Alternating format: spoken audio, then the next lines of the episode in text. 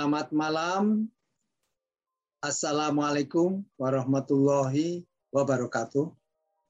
Waalaikumsalam warahmatullahi wabarakatuh. Uh, malam ini uh, saya beruntung sekali ber, mendapatkan ini narasumber putra Banten, putra dari Banten. Uh, uh, Rifki Ya, terima ya, kasih atas kesediaanmu dan kamu sudah menyiapkan waktumu, menyiapkan semuanya ya. Eh, semoga apa yang kita lakukan ini ini bisa bisa memberikan semangat kepada para pemuda-pemuda yang lainnya. Amin.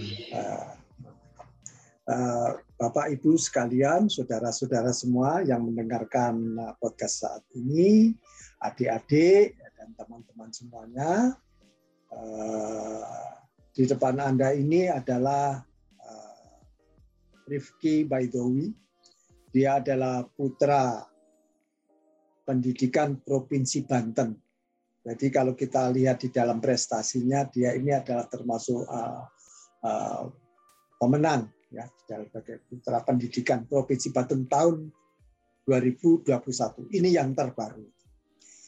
Ya, saya bangga sekali juga Rifki ternyata adalah duta pemenang juga dalam duta pemuda Kota Serang tahun 2020.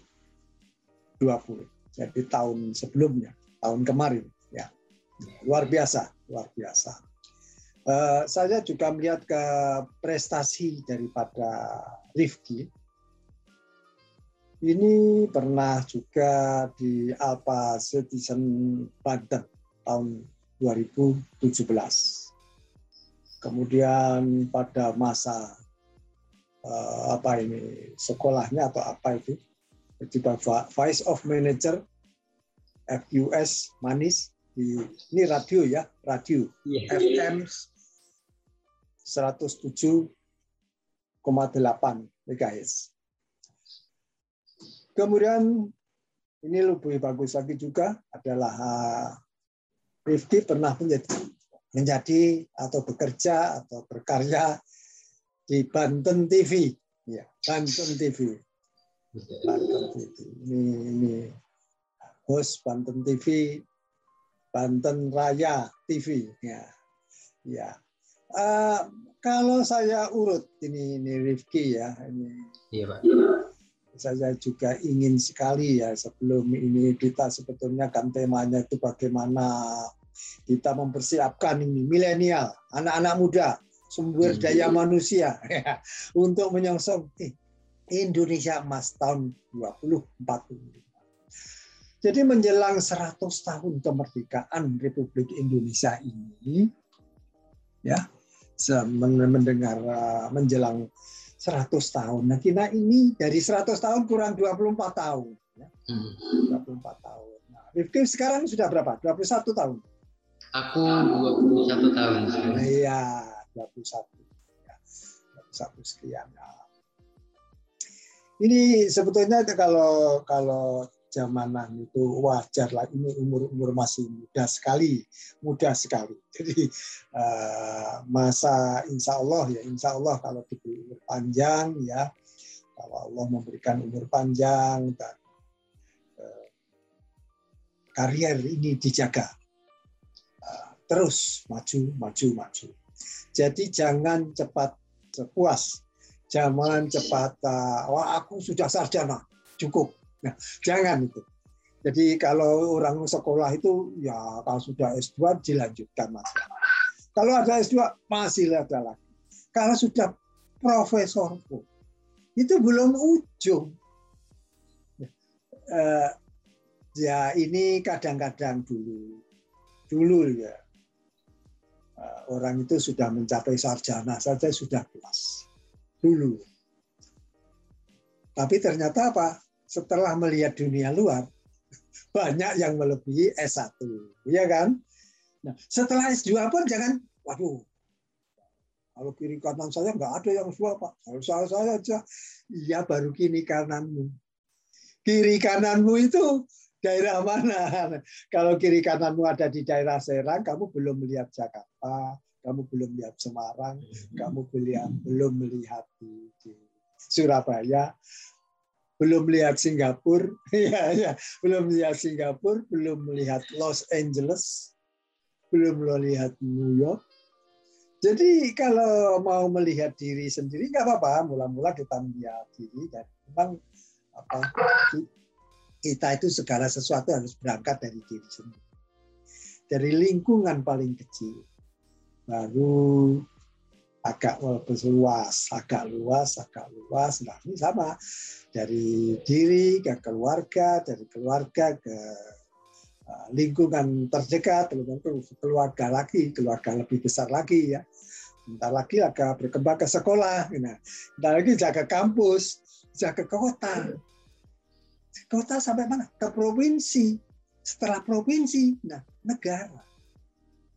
Nah kita ini, Rifki, kalau kamu buka di geografi ya, geografi itu Indonesia itu negara kesatuan Republik Indonesia. Saudara-saudara semua NKRI ini ternyata luas sekali. Jadi tidak seperti uh, kalau kita bayangkan secara geografi Israel gitu. Itu kecil. Israel itu kecil. Israel itu dulu katanya dalam sejarah memang yaitu dulu asal usulnya tanahnya Palestina. Ya, tapi ya, ya itulah urusan sejarah ya. Bahwa dulu kan di, di bawah otonomi Inggris, di bawah otonomi. Nah, kalau di daerah Eropa lah kecil-kecil juga negara itu. Jadi yang dikatakan United Kingdom, ya menurut mereka sudah besar. Kalau dibandingkan Indonesia, nothing. Belum apa-apa. Jadi United Kingdom itu kalau kita bandingkan ya cukup Sumatera aja itu. Ada United Kingdom itulah termasuk negara pertama yang menguasai dunia. United Kingdom.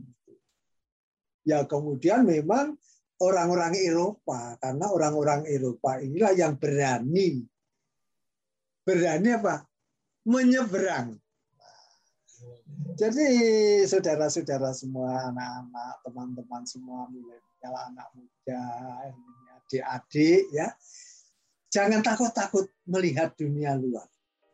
Ya. Jangan takut melihat dunia luar, termasuk sekolah. Ya, termasuk sekolah. Sekolah saja, wah, saya itu kalau saya kan orang Batam, saya dari Malimping, misalnya saja dari Malimping saya ini seorang Serang itu sudah kota terbesar, Pak. Nggak ada lagi, Pak, yang melebihi kota Serang. Sampai di Serang sudah puas, ya. Enggak, enggak boleh begitu. Kamu harus melihat dunia yang lebih luas lagi. Jadi setelah Provinsi Banten, lihatlah Provinsi Jawa Barat. Lihatlah DKI.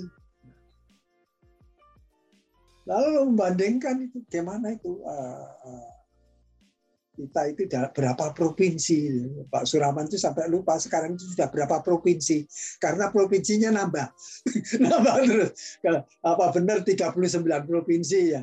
Ya itu sudah sudah anu, apa karena ah, dikit-dikit ini apa ada lima kabupaten wah sudah minta jadi provinsi. Itu nanti bisa terjadi Nah, kalau misalnya saja dulu pernah terjadi, oh ini Madura minta jadi provinsi, ini sudah menjadi empat kabupaten. kalau lima kabupaten ya sudah lah dibuat kangean itu jadikan Madura juga. Nah, ini bisa saja jadi provinsi lagi. Tapi uh, kita itu kalau mau melakukan sesuatu itu masa depannya gimana sih? Memperumit tinggal. Uh, baiklah Rifki, ini saya ingin kalau ingin memulai ya uh, Pak Surahman ini ingin bertanya, saya lebih suka dipanggil Pak Surahman. ya, ya. Uh, kalau panggil dipanggil Prof itu orang Amerika itu, orang Amerika ya, orang Amerika, termasuk orang uh, di daerah-daerah di kota. Bukan orang Amerika kalau di Indonesia itu di Indonesia itu Sumatera itu itu hmm. kalau dokter lulusan luar negeri itu dipanggilnya prof. Gitu. Hmm. Profesor. Jadi profesor. Kalau orang uh, Malaysia kalau dokternya dari Amerika itu langsung dipanggil profesor. PhD. Jadi saya itu kan PhD. Jadi kalau orang-orang Malaysia itu langsung memanggil saya profesor. Kalau orang Amerika sendiri waktu waktu saya masih jadi dosen UT, saya ya dipanggilnya profesor. Ya profesor. Nah, kalau di Indonesia memang ada dua dua dua ya, bahwa panggilan itu eh, profesor itu adalah kepangkatan. Gitu Kalau di di Malaysia, di Amerika, profesor itu panggilan untuk dosen. Jadi sebetulnya nggak apa-apa. Dosen-dosen itu dipanggil profesor itu nggak apa-apa. Kalau di Amerika dipanggilnya profesor. Itu ya sebetulnya kalau kita mau meningkatkan citra itu boleh-boleh saja. Tapi itu kan kesepakatan ya biasanya kesepakatan bukan soal uh, Nah, saya balik lagi pada Anu Rifki boleh nggak saya tanya ya, siapa sih Bapak? Bapak Rifki itu siapa? Ibunya siapa? Oh iya Pak. Uh, sebelumnya seperti yang disebutkan oleh Pak Surahman tadi, uh, saya dari keluarga yang sederhana mungkin. Bapak saya uh, cuma seorang guru ngaji dan ibu saya seorang pedagang nasi uduk begitu. Jadi eh, lahir dari keluarga yang sudah mengajarkan rasa syukur mungkin sejak dini begitu Pak. Ah, ini ini ini bagus. Jadi sebetulnya kalau tokoh nasional dari anaknya pemimpin nasional misalnya saja itu itu tidak bukan kejutan. Bukan kejutan. Jadi Rifki ini lahir dari bapak yang orang mengatakan itu hanya guru ngaji. Padahal enggak juga. Guru yang namanya guru ngaji apalagi ngaji itu Al-Quran mengajarkan Al-Quran mengajarkan agama sebetulnya hakikat hakikat dari uh, bapak ya bapakmu itu adalah termasuk mungkin di hadapan Allah ya di hadapan Allah itu di hadapan Tuhan terus di hadapan manusia secara umum mestinya mestinya itu tinggi tinggi. Hmm. Jadi dulu itu yang namanya seorang uh, ustadz itu penghargaan itu luar biasa. Sama zaman dulu itu guru itu luar biasa. Jadi kalau orang menjadi guru, wah itu satu kota pun, nah, karena dulu orang belum banyak, guru juga belum banyak ya. Dulu itu orang belum banyak, guru belum banyak. Kalau ada orang menjadi guru, Wah, semua orang menyapa dan semua orang mengangguk, menundukkan. Pada waktu itu, nah sekarang ternyata jumlah guru makin luar biasa banyaknya ya. Bahkan hmm. apa ya macam-macam kondisi guru tidak terlalu baik ya kondisi tidak terlalu baik apa secara ekonomi tidak terlalu baik kadang-kadang secara pengetahuan tidak terlalu baik jadi kalau pengetahuannya tidak baik, itu dipertanyakan. Pantaskah saya menamakan diri sebagai guru? ya, ya. Guru itu bergerak mulai dari guru TK, guru SD, SMP, SMA. Perguruan tinggi itu guru. Pak Surahman ini di Amerika. Pensiunan profesor. Ya pensiunan profesor. Itu ada organisasinya. Organisasi kalau kita mirip uh, apa itu Persatuan Guru Republik Indonesia gitu ya PGRI ya itu ada ada yang ngatur asosiasinya jadi saya sendiri itu kan kadang-kadang kan uh, semula tidak terlalu mikir ke sana tidak terlalu mikir bahwa Pak Suraman ternyata jadi pegawai Amerika. Nah, ini ini cerita begini ini loh, saya ingin seperti apa Suraman boleh saja. boleh saja. Jadi saya ini guru SPG asalnya ya. Jadi saya sekolah sekolah dulu dari IKIP Surabaya. Dulu namanya IKIP Surabaya, belum ada UNESA belum ada, tapi yang ada dulu IKIP Surabaya. Nah, saya juga tidak tahu berubahnya dari IKIP Surabaya ke UNESA tahun berapa, karena saya sendiri sudah sudah apa meninggalkan IKIP itu tahun 74. Pak Surahman lulus. Ya, lulus tahun 74. Itu sarjana muda. Gitu loh. BA, dulu Bachelor of Arts. Nah, untungnya ketika ke Amerika Serikat, yang diambil itu yang Bachelor of Arts-nya, bukan dokter Andesnya. Tapi dokter Andes dokter Andesnya Indonesia itu atau S1-nya Indonesia. Jadi S1 Indonesia itu kalau di luar negeri ya tetap BA. Ya, jadi ini untuk diketahui saja dan sebetulnya teman-teman sudah banyak yang tahu juga bahwa S1 Indonesia itu sama dengan bachelor. S2 sama dengan master, gitu loh. S3 sama dengan doktor. Doktor. Dokter itu ya macam-macam. Tapi ini sekedar cerita soal peringkat-peringkat tadi sekolah ya. Peringkat tadi guru ngaji. Guru itu ustadz itu juga guru. Jadi guru itu digugu dan ditiru. Mestinya. Mestinya. Itu kan ungkapan Jawa ya sampai-sampai me me mengatakan seorang guru itu bagaimana wah itulah digugu dan ditiru itu adalah dari diajar Diwantara ini luar biasa tokoh tokoh pendidikan kita itu orang luar biasa memang betul-betul menjadi tauladan kita sebagai seorang guru. Nah apakah kadang-kadang kita ini guru yang sekarang sudah tidak seperti yang lama tapi ya tidak apa-apa tidak sama persis nggak apa-apa. Tidak sama persis nggak apa karena memang dunia itu berubah. Dunia itu, itu berubah. Uh, uh, saya suka sekali cerita ini Rifki. Jadi kamu jangan tadi kamu boleh humble. Humble rendah hati. Dalam bahasa Inggrisnya humble. Orang humble itu bagus rendah hati. Bukan rendah diri hati-hati ya. Inferior inferior. Itu rendah diri. Jangan sampai itu. Kita kita humble nggak apa-apa.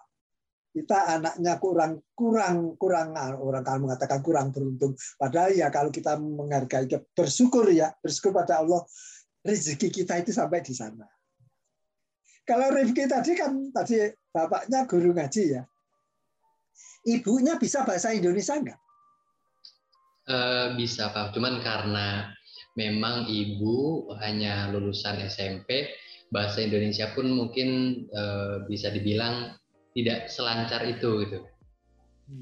Lumayan gitu. Jadi bapaknya Rifki itu lebih kalau bapak saya ini yang kamu panggilnya ini Prof. Surahman katanya. Ya nggak apa-apa dipanggil Prof. Ya tapi alhamdulillah bapak saya itu SD kelas 3 dulu orang Jawa bilangnya SD ongko telu. Karena dulu ini kembali lagi lah. Supaya anak-anak muda kita tahu sejarah bahwa dulu orang-orang pribumi itu kalau sekolah bolehnya hanya sampai kelas 3 pada masa penjajahan Belanda. Tapi kalau saya bicara penjajahan itu lalu jangan lalu muncul uh, apa ya rasa-rasa tidak senang dengan Belanda jangan. Jadi Pak Surahman itu sudah mengalami masa-masa dari masa ke masa hubungan saya ini tidak ada batas negara. Sahabat saya tidak ada batas negara. Jadi saya biasa nilpun antar negara. Seperti ini kan sudah antar negara kan. Jadi rasa rasa karena sejarah masa masanya masa sejarah itu gimana Pak Surama? Dulu kita memang dijajah Belanda 350 tahun. Nah sebelum itu kan kita itu apa kerajaan-kerajaan gitu. Kerajaan-kerajaan. Jadi di Aceh ada kerajaan ada kerajaan di Medan ada kerajaan yang ada di Minang ada kerajaan ya kan? Di Palembang ada kerajaan. Terus di Jawa itu ada ada Pajajaran ada Mojopahit dan seterusnya itu. Ya. Mojopahit yang pernah mempersatukan Nusantara kerajaan Mojopahit. Tapi kalau kita itu memikirkan kerajaan Mojopahit, ya terlalu luas ternyata. Termasuk Malaysia itu masuk Mojopahit itu. Malaysia itu masuk Mojopahit. Jadi ya, ya sudah kita sudah. Uh, baiklah uh, Rifki. Uh, saya melihat kamu pernah menjadi host Atau yang paling bawah itu di ya, di radio ya? Di uh, paling bawah itu di Banten Raya TV itu TV lokal yang ada di Banten, Pak. Oh, iya iya. Bisa nggak menceritakan apa saja yang kamu lakukan dan bagaimana kamu bisa direkrut di sana? Prestasi apa? Hmm. Atas prestasi apa sehingga kamu direkrut menjadi istilahnya pegawai atau penyiar ya kalau bahasa bahasa Indonesia dulu itu karena mungkin penyiar gitu ya. Hmm. Ya. Sebenarnya uh, kalau mau diceritakan kayaknya lebih afdol diceritakan dari awal saya kecil pak ya mungkin. Oh boleh boleh boleh ayo, ayo gimana gimana silakan. Karena uh, menurut saya perjalanan hidup saya itu luar biasa terjal dikatakan terjal sekali Iya. Uh, sebelumnya saya ucapkan terima kasih juga untuk uh, Pak Surahman Dimyati karena telah mengundang saya di podcast dan tim Dimyati Podcast juga. Uh, iya. Saya di sini uh, bukan siapa-siapa sebenarnya. Hanya saja saya ingin berbagi kisah mengenai hidup saya. Semoga bisa menjadi inspirasi untuk teman-teman semua yang menonton Dimyati Podcast ini begitu. Uh, di PowerPoint yang tadi mungkin boleh ditampilkan. Nah, eh, nama lengkap saya Rifki Baidowi dan saya lahir pada tanggal 18 Agustus tahun 2000. Eh, dulu bapak saya mungkin masih eh, disebut bersama keluarga juga masih pemulung. Nanti ada sedikit video juga cuplikan sepenggal kisah yang mewakili hidup saya mungkin. Nah, di sini juga kan ada pengalaman dan prestasi Pak ya. Yang pertama ada yang paling baru yaitu tahun ini menjadi dinobatkan sebagai Putra Pendidikan Provinsi Banten 2021. Nah, sebelumnya juga di tahun 2020 eh, dinobatkan menjadi Duta Pemuda Kota Serang serta di tahun 2017 dinobatkan sebagai Alpha Zetizen Banten 2017 pernah menjadi seorang Fish of Manager SKS Manis FM. Ini Fish of Manager SKS Manis FM dulu pas eh, SMA, Pak. Tapi saya tidak SMA karena saya madrasah. Karena Bapak uh, religius banget kan, jadi dimasukinnya ke agama juga di madrasah. Nah, setelah lulus dari MAN, itu alhamdulillah kan gap year karena orang tua uh, bilang harus kerja ya saya ikut orang tua dulu cari kerja alhamdulillah dapat menjadi host Banten Raya TV. Sebelum saya membahas tentang persiapan SDM untuk menyongsong Indonesia Emas di tahun 2045. Di sini saya kasih subjudul Indonesia Emas di tangan pemuda cerdas. Nah, sebelum saya lanjut, eh, mungkin ada sedikit cuplikan video tentang hidup saya dan bisa dijadikan motivasi buat teman-teman semua yang nonton podcast ini. Iya. Saya Rifki Badawi, Putra Pendidikan Provinsi Banten 2021. Dan kali ini saya akan menceritakan pengalaman hidup dan menyebutnya berlian di balik tumpukan sampah. Perjalanan hidup yang tak mudah. Rifki kecil pernah menjadi seorang pemulung dan setiap hari berjibaku di tengah tumpukan sampah. Ia tumbuh menjadi sosok yang tangguh dan tak kenal putus asa. Ia melestarikan kesenian khas Banten. Menjadi seorang relawan, volunteer pendidikan, dan pernah menjadi seorang penyiar radio serta host televisi lokal tak lupa mengasah bakat dalam seni peran. Ia percaya dengan melakukan hal-hal baik akan mendatangkan kebaikan dalam hidup. Oleh karenanya, berbagai prestasi berhasil ia gapai. Hingga dinobatkan sebagai Zetizen Banten 2017, Duta Pemuda Kota Serang 2020 dan akhirnya Putra Pendidikan Banten 2021.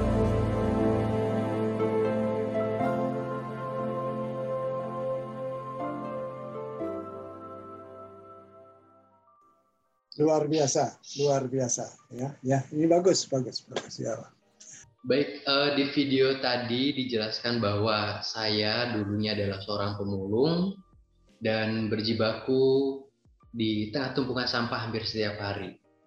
Uh, teman-teman uh, di Meti Podcast juga perlu tahu bahwa keluarga saya semasa saya kecil uh, pernah mengalami yang namanya makan dari sampah di situ. Oleh karena itu di video tadi saya berjudul uh, berlian di tengah tumpukan sampah karena saya pikir ketika saya menjadi seorang pemulung dulu dan sekarang bisa menjadi putra pendidikan Banten itu bukanlah hal yang mudah. Banyak sekali uh, ujian dalam hidup uh, dan pengalaman-pengalaman yang saya rasakan. Bahkan saya ingin mengatakan bahwa Rifki yang dulu mungkin sangat jauh berbeda dengan yang sekarang.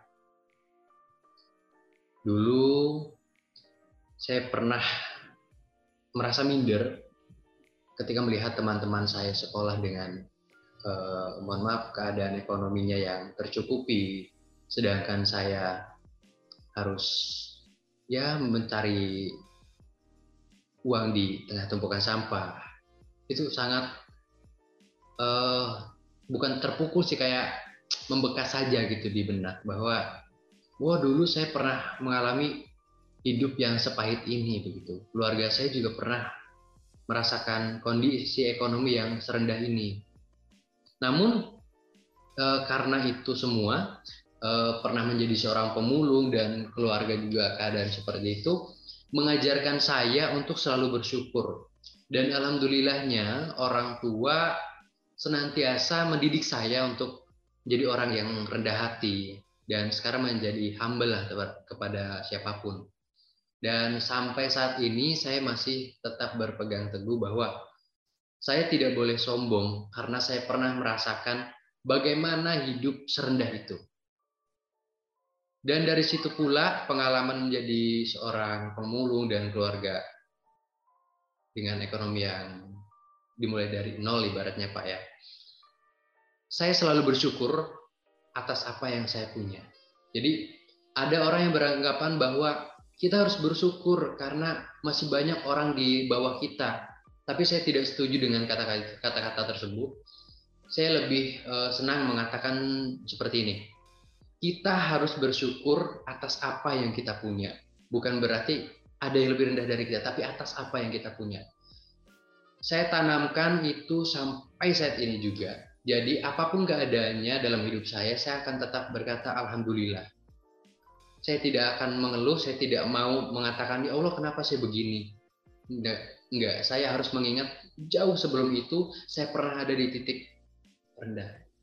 Dan hal itu pula yang menjadikan saya menerima siapa pun datang untuk ke hidup saya.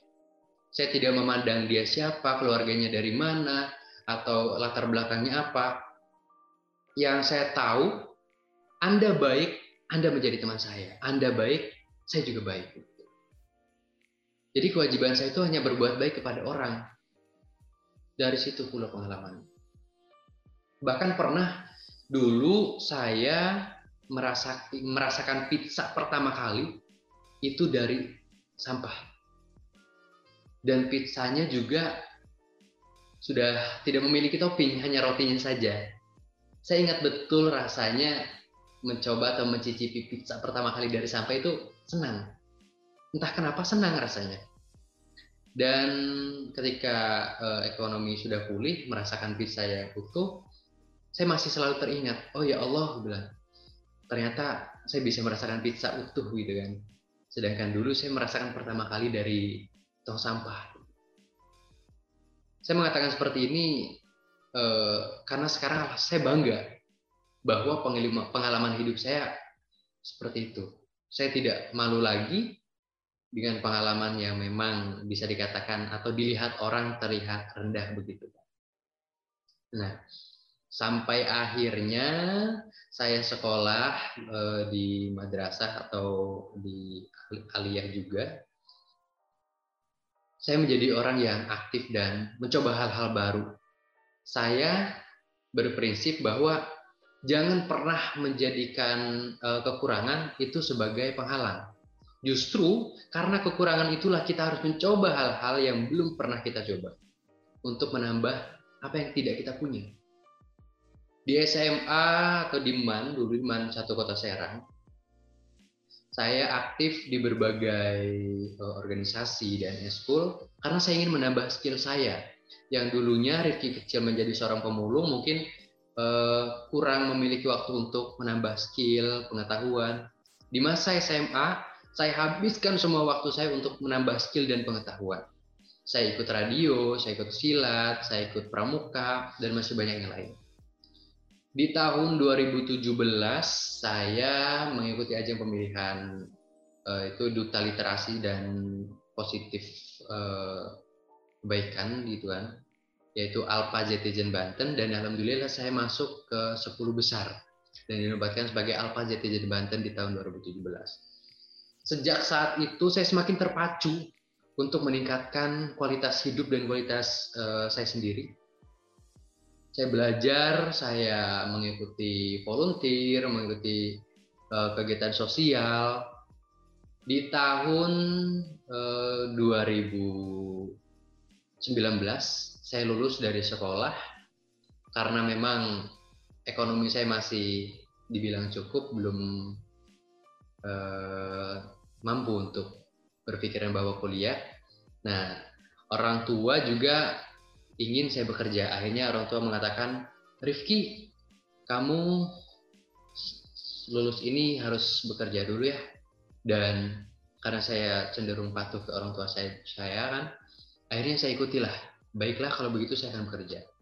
Satu tahun gap year, saya alhamdulillah bekerja di salah satu televisi lokal di Banten dan menjadi host. Di situ saya mulai berpikir bahwa oh begini skenario yang diberikan oleh Allah Subhanahu Wa Taala untuk saya. Diberikan waktu satu tahun untuk tidak kuliah, banyak pengalaman yang saya dapat. Dan bahkan di tahun itu saya menambah kekuatan mental menerima hidup dan berpikir lebih luas dalam menjalani hidup ini. Di tahun 2020 saya sudah mulai kuliah dan alhamdulillah saya juga dinobatkan sebagai duta pemuda Kota Serang 2020. Saya kuliah dan ikut hal-hal baru lagi. Di tahun 2021 saya dinobatkan sebagai Putra Pendidikan Banten 2021 itu memang perjalanan yang panjang mungkin untuk sampai di titik ini. Luar biasa. Ya.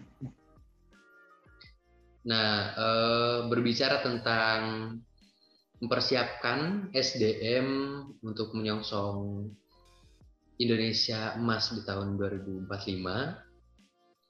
saya rasa untuk itu kita sendiri, saya khususnya saya sebagai pemuda, dan teman-teman di Meti Podcast yang lain, kita punya kewajiban untuk mempersiapkan itu.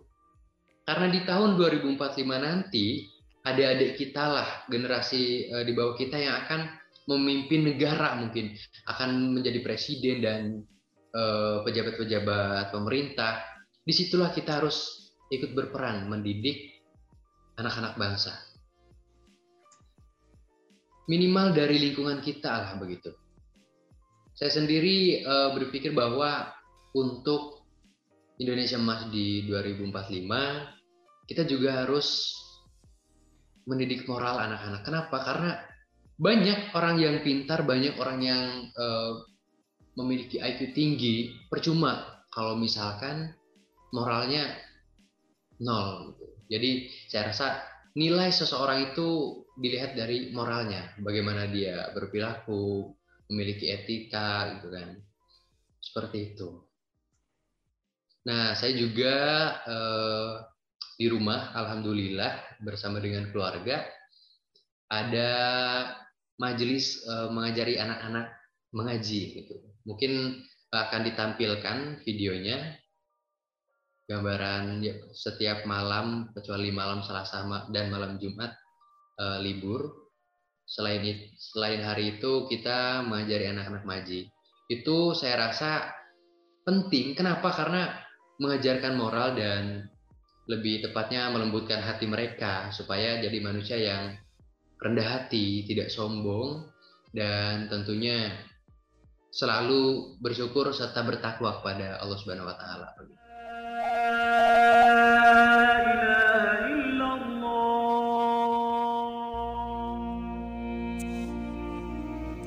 Seorang anak merupakan amanah besar dalam hidup yang harus kita jaga dan kita rawat. Masa anak-anak adalah waktu yang tepat untuk membentuk karakter. Saat dunia membuat insan berambisi terhadap sebuah angka yang disebut nilai, harus ada sisi lain yang mengajarkan moral, melunakkan ego, dan melembutkan hati agar seorang insan jadi lebih bernilai. Percayalah kebaikan yang kita tanam akan kita tuai di kemudian hari.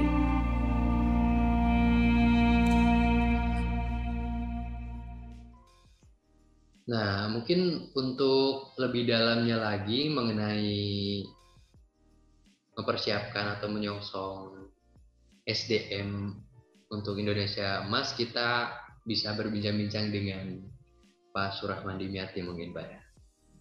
Iya. Ya ini bagus uh, Rifki bahwa kita ini sebagai bangsa sebetulnya dari jumlah penduduk Indonesia itu nomor empat di dunia. Jadi kalau kita itu mau membanding-bandingkan negara itu mestinya itu kita mulai dari jumlah yang terbanyak. Yang terbanyak memang Cina. Jadi Republik Rakyat Cina itu ya kamu tahu sendiri dari angka satu setengah miliar lebih itu adalah Cina. Kenapa seluruh dunia itu banyak warga Cina? Nah, salah satu yang perlu kita ambil yang baik dari Cina ini adalah uh, prinsipnya yang, kerja kerasnya.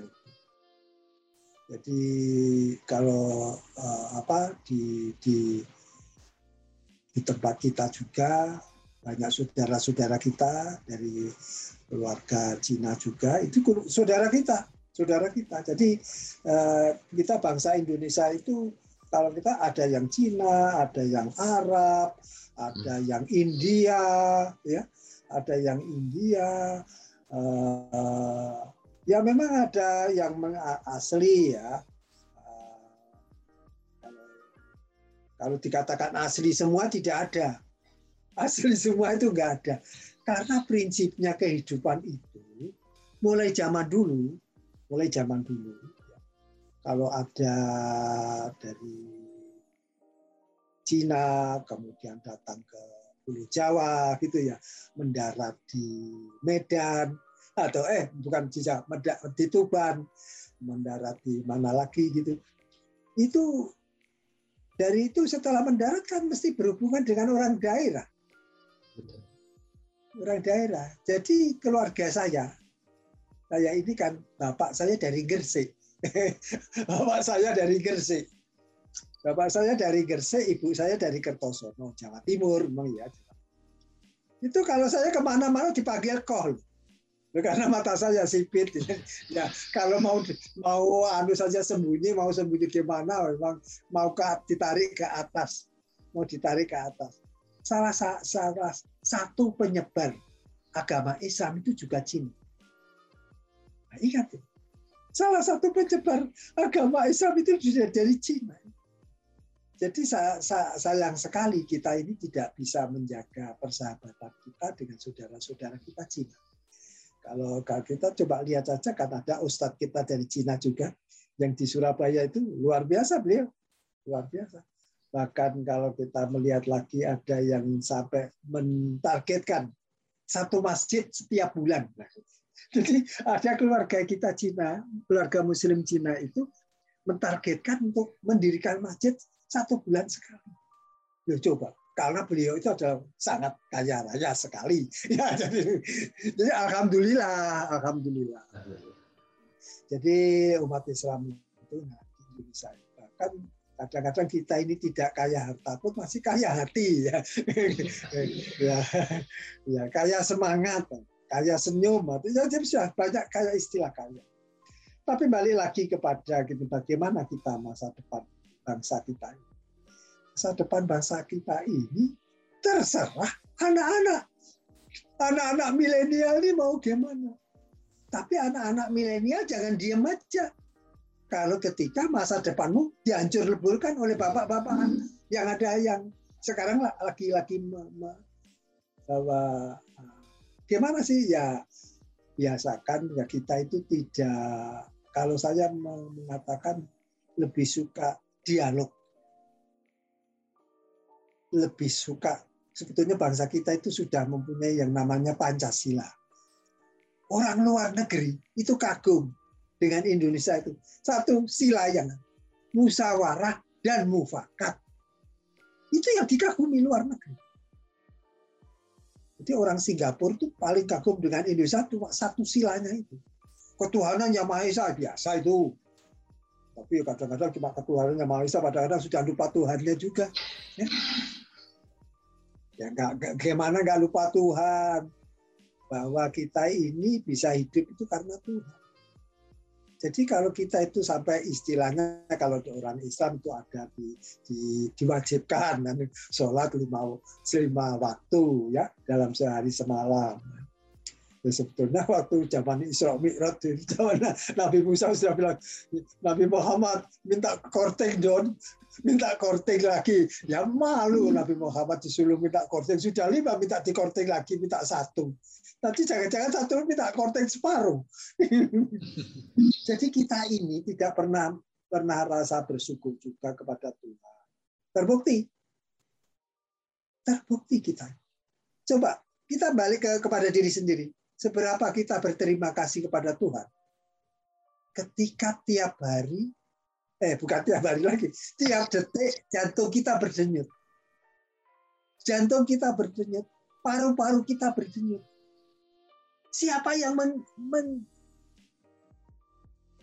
mendenyutkan itu? Wow, toh tak sadar Pak. Pakai bahasa itu Pak. Ya, sebetulnya kamu pernah mensyukuri bahwa seandainya paru-parumu itu tidak berdenyut, darahmu tidak bisa berputar. Kalau darahmu tidak bisa berputar, kamu habis. Sudah selesai. Darah yang tidak berputar itu manusia sudah selesai. Bukan manusia lagi, namanya mayat. Jadi sering kali kita kurang bersyukur kepada Tuhan karena karena lupa tadi lupa lupa kesibukan karena kesedihan kesusahan ekonomi karena kesibukan kerja mau kesibukan sekolah kesibukan ini. Tapi kadang-kadang ya berhentilah.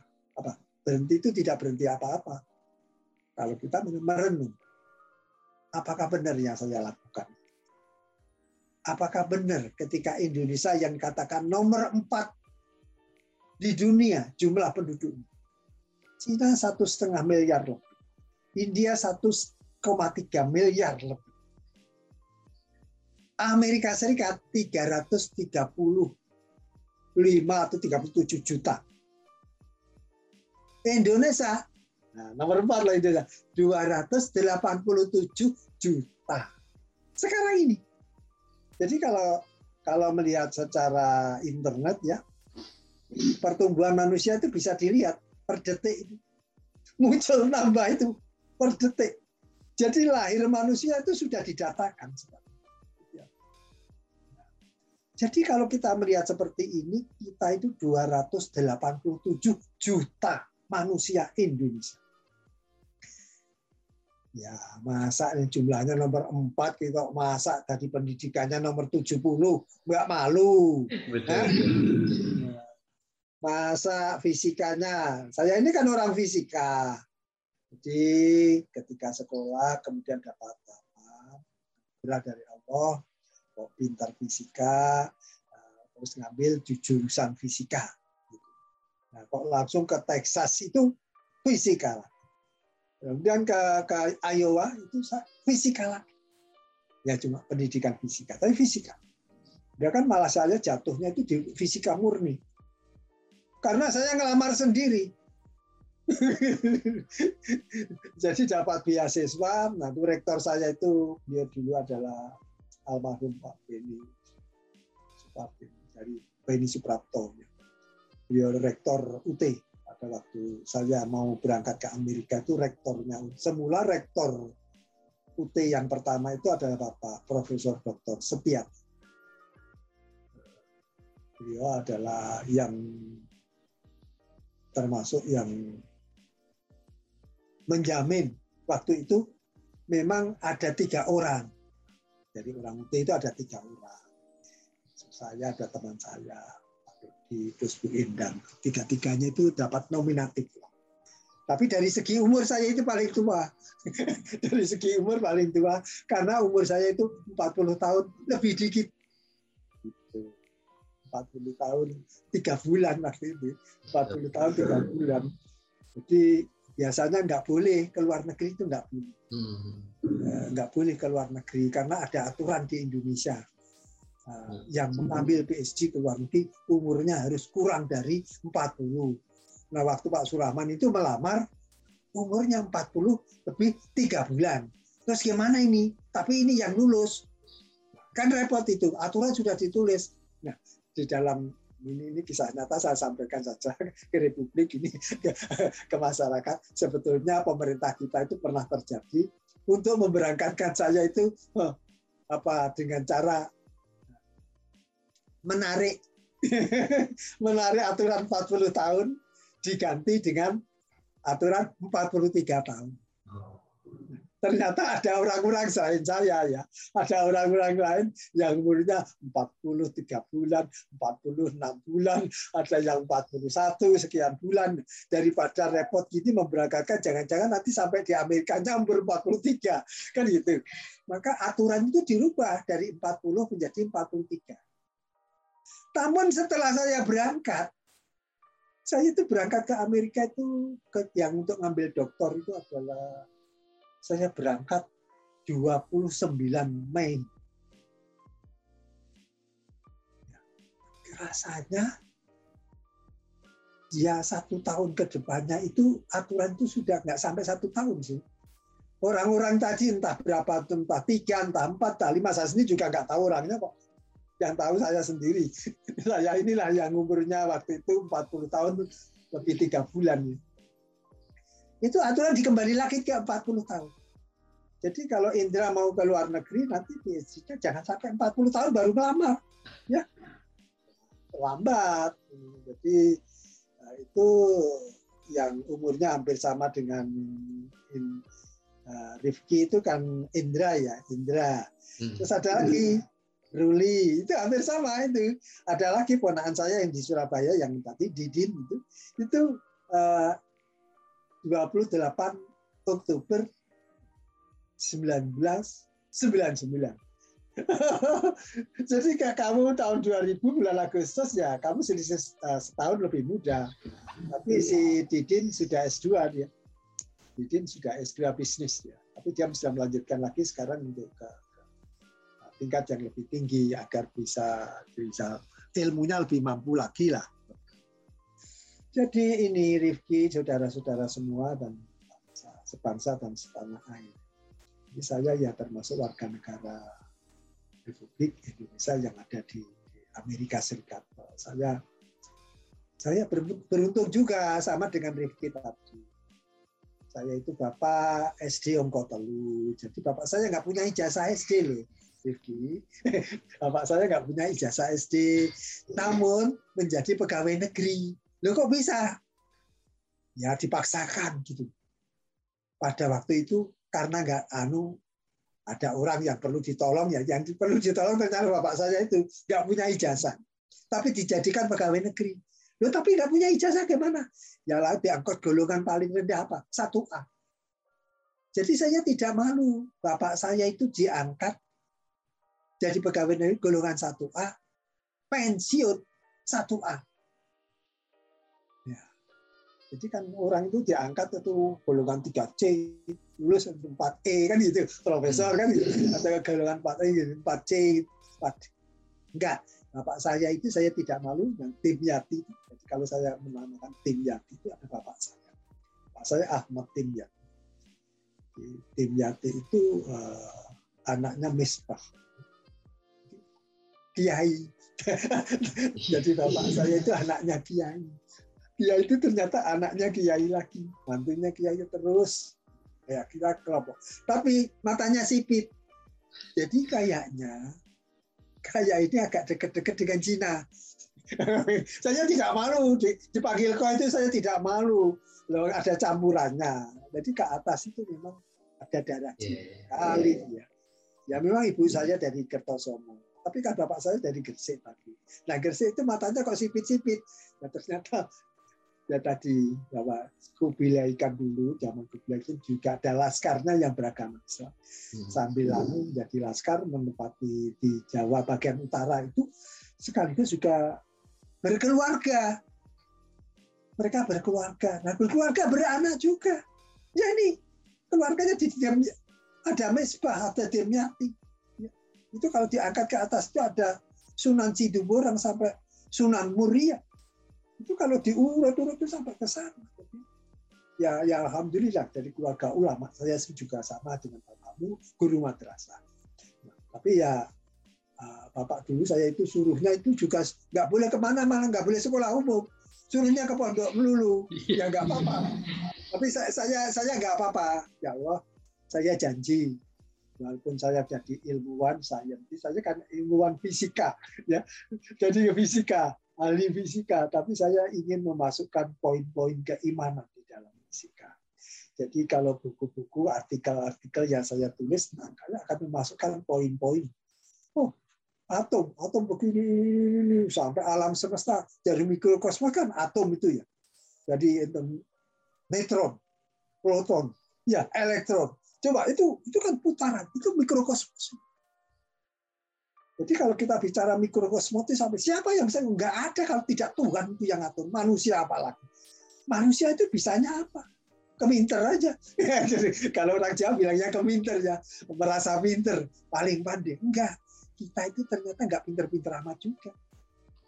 Manusia itu nggak pinter-pinter. Itu IQ-nya sekali. Iya, walaupun IQ-nya berapa 150 170 eh, biar 200 biar orangnya sangat sangat cerdas. Seperti Elon Musk. Elon Musk itu orang fisika juga itu. Albert Einstein itu orang fisika. Kalau Pak Suraman itu orang fisika apa keturunannya? Ya kecipratan kali. Jadi kecipratan pinternya jika kali. Tapi ya alhamdulillah saya dari Indonesia. Saya dari Indonesia. Saya akan tetap uh, mengajak teman-teman Indonesia untuk tetap mencintai fisika. Enggak, fisika ini ilmu murni. Ilmu yang ini yang masa depannya ada di tangan ini. Enggak ada temuan-temuan lain. Dimulai dari sini memang aplikasinya. Lihat ini aplikasi dari fisika apa lihat dengan ketemunya ketemunya fiberglass. Oh ini dia bisa ditemukan apa uh, listrik mengalir melalui fiberglass internet bisa lebih cepat melalui fiber. Itu kan penemuan-penemuan fisik, penemuan radio, penemuan telepon, penemuan ini.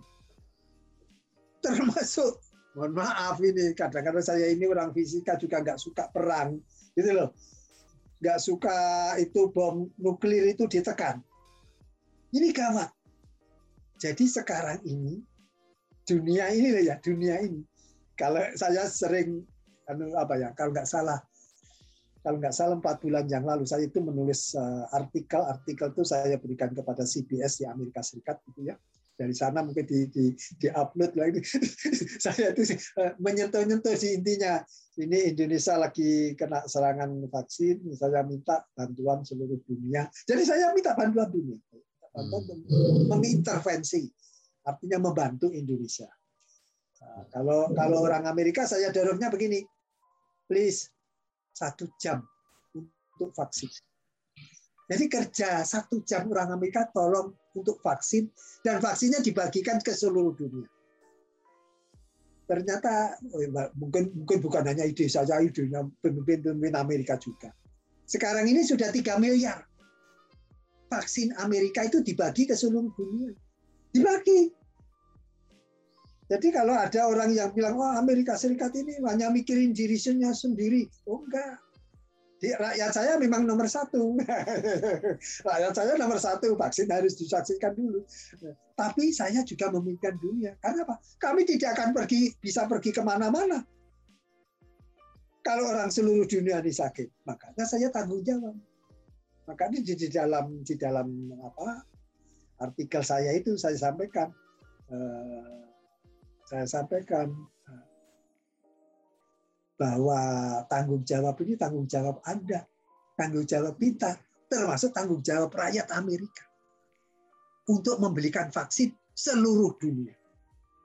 Please, satu jam kerjamu diberikan. Untuk apa? Disedekahkan, kalau bahasa agamanya kan disedekahkan. Tapi kan sebetulnya orang sodakoh yang bagus menurut bahasa filsafat agama. Memberi tangan kanan, tangan kirinya saja enggak. Kan yang begitu sedekah ikhlas. Betul, betul. Ini sebetulnya ajaran-ajaran begini kalau di Amerika itu sudah dijalankan, nggak nggak bisa disampaikan, dipamer-pamerkan nggak. Di Amerika itu pada musim pandemik begini, musim pandemi ini supaya didengarkan semuanya ya. Amerika itu mengalur, mengalur apa, menganut apa kebiasaan atau kebudayaan jangan mempermalukan orang lain. miskin itu kan sial lagi, lagi sial kan karena pandemik ini pekerjaan berkurang, ini kurang, akhirnya kurang. Income-nya kurang karena income-nya kurang, akhirnya kekurangan ini. untuk beli makanan kurang. Untuk beli makanan kurang terus gimana? Ternyata orang Amerika itu nggak menunggu pemerintah. Itu ada yang namanya food bank gitu loh. Bank makanan. Siapa yang mengelola? Rakyat yang mengelola rakyat. Kita apakah tidak boleh meniru yang baik seperti itu? Mari kita yang baik kita ambil. Apa? Mengapa pada masa musim pandemik ini kita perlu food bank? Food bank itu apakah harus pemerintah? Nggak usah.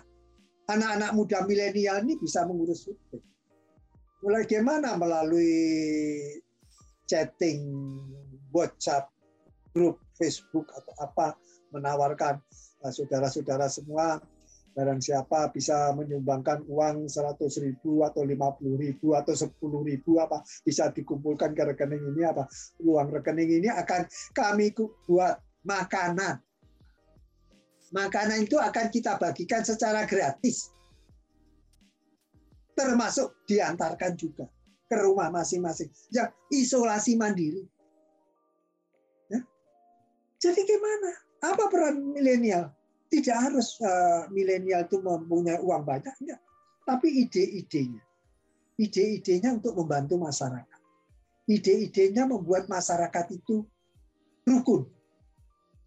Bukan bertengkar. Ya dikit-dikit tersinggung. Mau kerja sama saja masih loh. Kayaknya kan orang Banten, kamu kan orang Betawi. Ah, anu, kamu orang Jawa apalagi kamu orang Batak jauh lagi enggak jadi eh, Rifki dan teman-teman yang lain kita ini sudah bukan model persukuan lagi kerajaan sudah tidak ada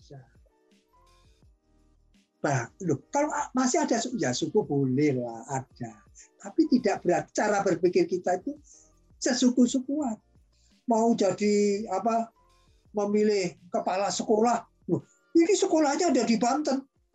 Kepala sekolah harus dari Banten. Ah, ini gimana? Ya? Sedih loh, sedih. Jadi bangsa kita ini dulu didirikan memang tahun 17 Agustus 1945. Tapi sampai sekarang rasa seperti itu. Jadi dikit-dikit ngurusi suku. Dulu agamanya nggak nggak sama pak ini pak.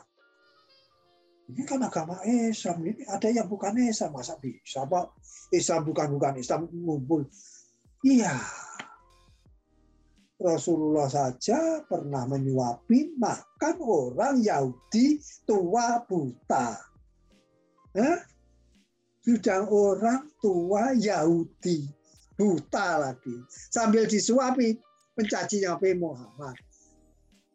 Itu kalau kita Kalau kita itu kali itu nasi yang sudah disuapkan ditumpulkan ke mukanya. Sudah disuapin masih mencaci maki lagi. Ya kali itu. Tapi Nabi Muhammad kan nggak nggak marah, dicaci maki Kita ini. Dikit-dikit tersinggung marah. Waduh. Keroyok. Wah, ini apalagi keroyok itu. Dikerahkan. Penghinaan. Penghinaan agama, penghinaan ini, penghinaan ini. Ya, Tuhan ya. Jadi kita ini kadang-kadang bertuhan, kita itu kadang menyebut Allah, kadang-kadang lupa juga Allah itu maha adil. Ya, Allah itu maha adil. Ya Allah itu kalau memberi makan itu, kalau memberi rezeki itu tidak tanya kamu Islam atau enggak Islam. Enggak. Jadi Tuhan itu maha adil. Cobalah kalau kita mau baik, itu menurut kalau belajar itu kan ada sifat-sifat Tuhan itu ya, yang 99 ya. Itu bagus semua kita ini dikit-dikit marah itu apa? Ya nggak benar. Nah, itu itu dari segi kebangsaan kita. Kita itu termasuk jadi kepala sekolah. Kalau lebih tinggi itu, nah ini ada jadi kepala di anu pak kantor perguruan tinggi ini gimana? Kampus. Wah ini karena kampus Untirta pak. Untirta ini kan ada di Serang ya? Atau benar di Serang? Iya. Atau iya itu salah satu nggak tahu apa saudara satu namanya Dr. Lili Barlia. Itu teman saya. Teman pada waktu di British Council. Gitu. Teman pada waktu di British Council. Kita pernah tahun 1983 itu kita di British Council. Nah, pernah Dr. Lili Barlia itu beliau ingat saya itu jadi dosen di, di Untirta Balik lagi tadi. Siapa yang boleh menjadi rektor? Siapa yang menjadi boleh menjadi dekan? Siapa yang menjadi jadi kaprodi? Itu tidak harus Bapak ini Pak Unterta karena ada di Banten Pak. Ini harus orang Banten Pak. Terus yang di ITB, loh ini ITB karena ini Sunda ini Sunda ini harus orang Sunda juga ya Banten kan juga sama dengan Jawa Barat itu Sunda juga. Wah, ini harus Sunda. Jadi rektornya harus Sunda. Dekannya harus Sunda. Waduh, waduh.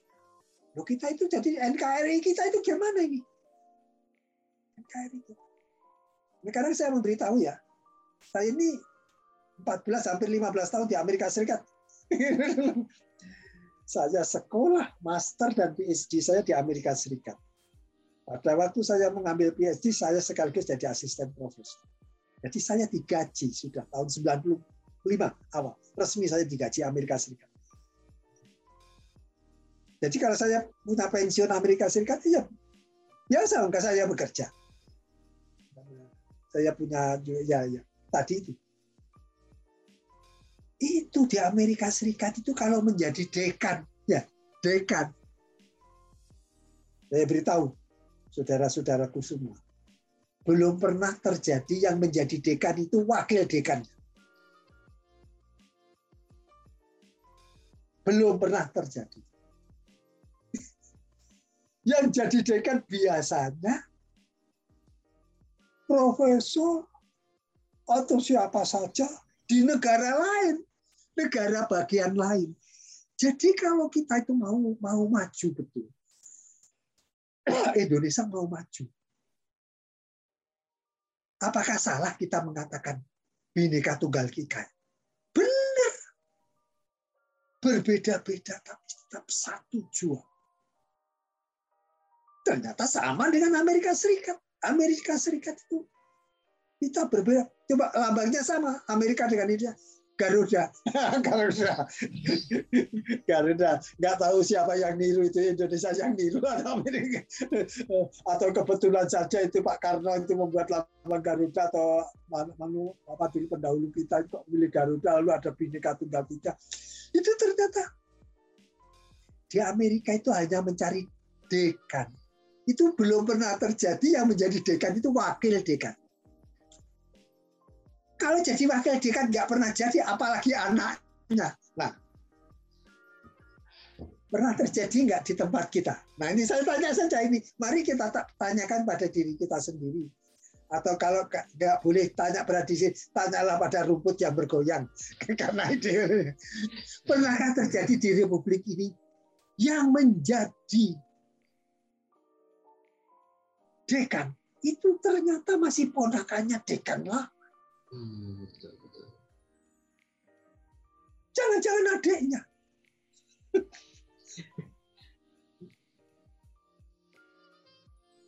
itu itu kalau dalam bahasa kan modelan itu warisan tidak hmm. boleh ini bukan kerajaan Indonesia bukan kerajaan ya yang jadi raja yang jadi pemimpin itu adalah anak anda hmm. jadi kita harus meyakini ini termasuk ini sekolah ini kantor ini kampus ini kepemimpinan masyarakat termasuk kepemimpinan masyarakat jadi yang menjadi wali kota Banten tidak harus orang Banten. Tidak harus dari Pola-pola berpikir begini ini ini memang proses ya. Proses. Kenapa nggak proses? Coba saja, coba saja ya. Kalau tanya pada bapak-bapak yang kelahirannya tahun 45. Waduh, di hatinya. NKRI harga mati. Kalau orang RI nggak boleh. Akhirnya kita kehilangan. Kehilangan apa? Ternyata orang RI itu yang pinter-pinter, tidak tidak semua pinter. Kadang-kadang tidak pinter-pinter amat juga berani ke luar negeri. Tidak pinter-pinter amat berani ke luar negeri. Coba uh, Nah, kalau ke luar negeri nanti kita akan bahas lebih hebat lagi pada waktu podcast berikutnya. Betul. Kan saya ceritakan tuh bagaimana itu ke Amerika itu gimana. Lo kalau mau sekolah, sekolah macam-macam. Sekolah itu ada mulai preschool, mulai kindergarten, kalau kita TK ini loh, terus SD, SMP, SMA, kuliah, itu sekolah. Bagaimana bisa sekolah ya? Kalau bapak ibunya itu, kalau bapak ibunya misalnya, aduh, bapaknya dapat beasiswa, beasiswa ke mana? Ke Amerika. Berapa tahun? Dua tahun. Saya beritahu ya, saya beritahu. Nah, kalau dulu saya dimarahi oleh atasan saya, tapi nggak apa-apa lah dimarahi. Saya dimarahi, saya saya itu nggak pernah membantah. Kalau dimarahi saya menunduk ya Pak saya salah tapi saya ulangi lagi karena itu baik gitu. memberitahu orang lain yang baik jadi kalau bapaknya itu ke luar negeri beasiswa dari pemerintah misalnya saja kalau pemerintah orang pemerintah itu paspornya berwarna biru terus visanya visanya J A B C D O F G H I J J ya Jakarta. J Jakarta. J1. Jadi saya itu visa saya J1. Pak, bolehkah saya membawa istri? Bawa saja. Nur Pak, atasan atasan saya nggak boleh. Nah ini semoga atasan ini mendengarkan ini. Tidak ada larangan dari Amerika Serikat, dari Inggris, dari Australia, dari Kanada, dari Perancis, dari Jerman. Suami berangkat beasiswa, pemerintah membawa istri dan anak-anaknya. Nggak ada larangan. Lupa, saya sebagai atasan kan harus menjaga supaya jangan terganggu sekolahnya. Nanti kalau membawa istrinya terganggu pikirannya, bawa anaknya ganggu lagi. Sebetulnya nggak gitu. Ketika seorang suami sekolah, pikirannya ke sekolah, panik juga. Masih sekolah, masih mikirin masak, masih mikirin. Nah, kalau ada istrinya, ada yang jaga istri. Anaknya bawah lu di sekolah. Istri dan anak-anaknya itu langsung dapat visa. Ini ini saya buka saja ya. ini nggak perlu dirahasiakan. Jadi kalau suaminya J1, istri dan anak-anaknya itu yang namanya J2. J2. J2 itu apa? Ya, istri atau keluarganya J1. Apa ini? Ini tanggung jawab pemerintah setempat. Setempatnya mana? Ya ke Amerika ya tanggung jawabnya pemerintah Amerika. Kalau ke Jerman, pemerintah Jerman. Bukan Indonesia, ingat. Tanggung jawab pemerintah Indonesia itu saya. Siapa? Saya ini J1 dulu, saya J1 dulu. Yang bayar beasiswa saya itu rupiah loh itu. RI. Jadi saya ini atau banyak utang saya Republik Indonesia. Jadi kalau Pak Surahman ini di masa tuanya, saya masa tua menjelang 70 tahun, sudah pensiunan, pensiunan RI, pensiunan Amerika juga. ya Pensiunan Amerika itu sebetulnya nggak saya ambil, belum saya ambil. Tapi bulan lalu saya dipaksa suruh ambil. Loh, Amerika itu begitu baiknya loh. Coba.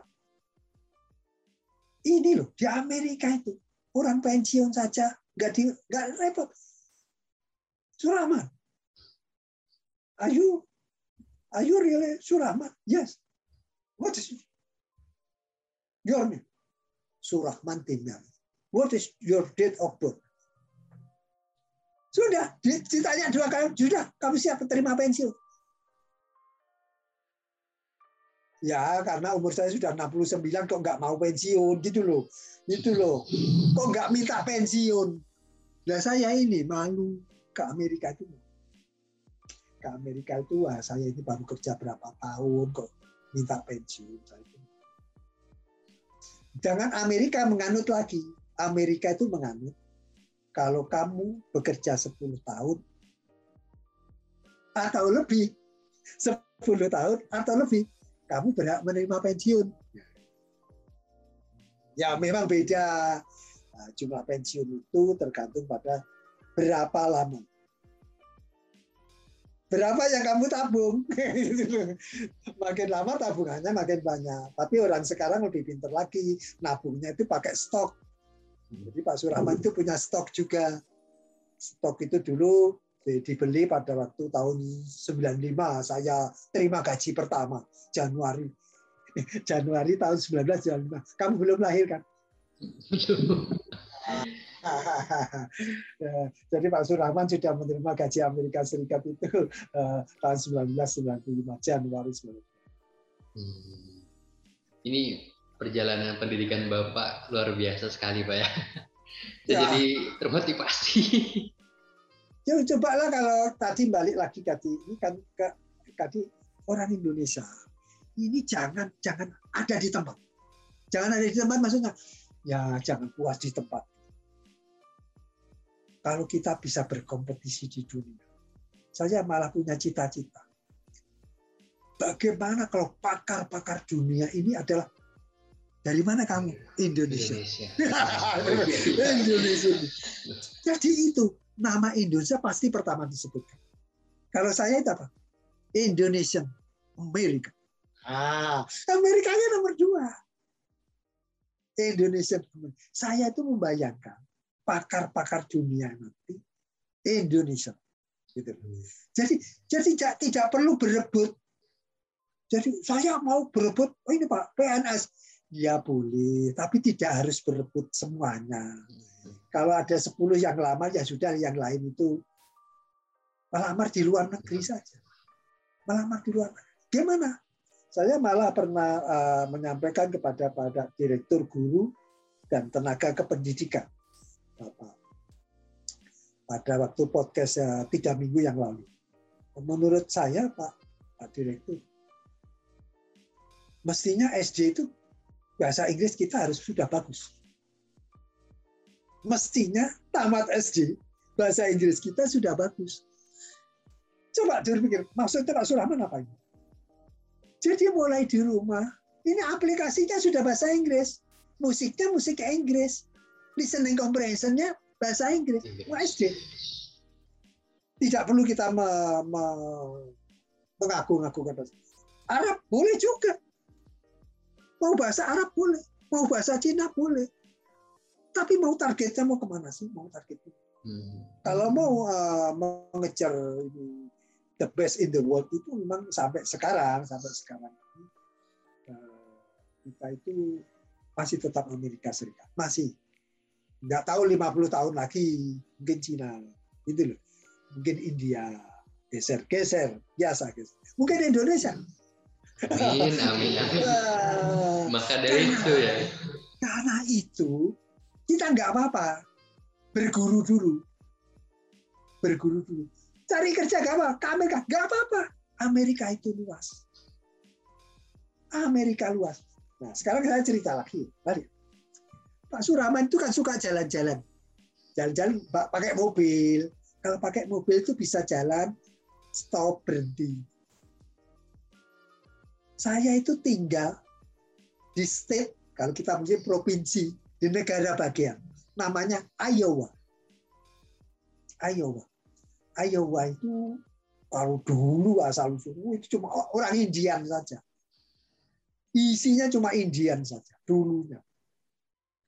Tapi Iowa yang sekarang nah, isinya apa? Jerman,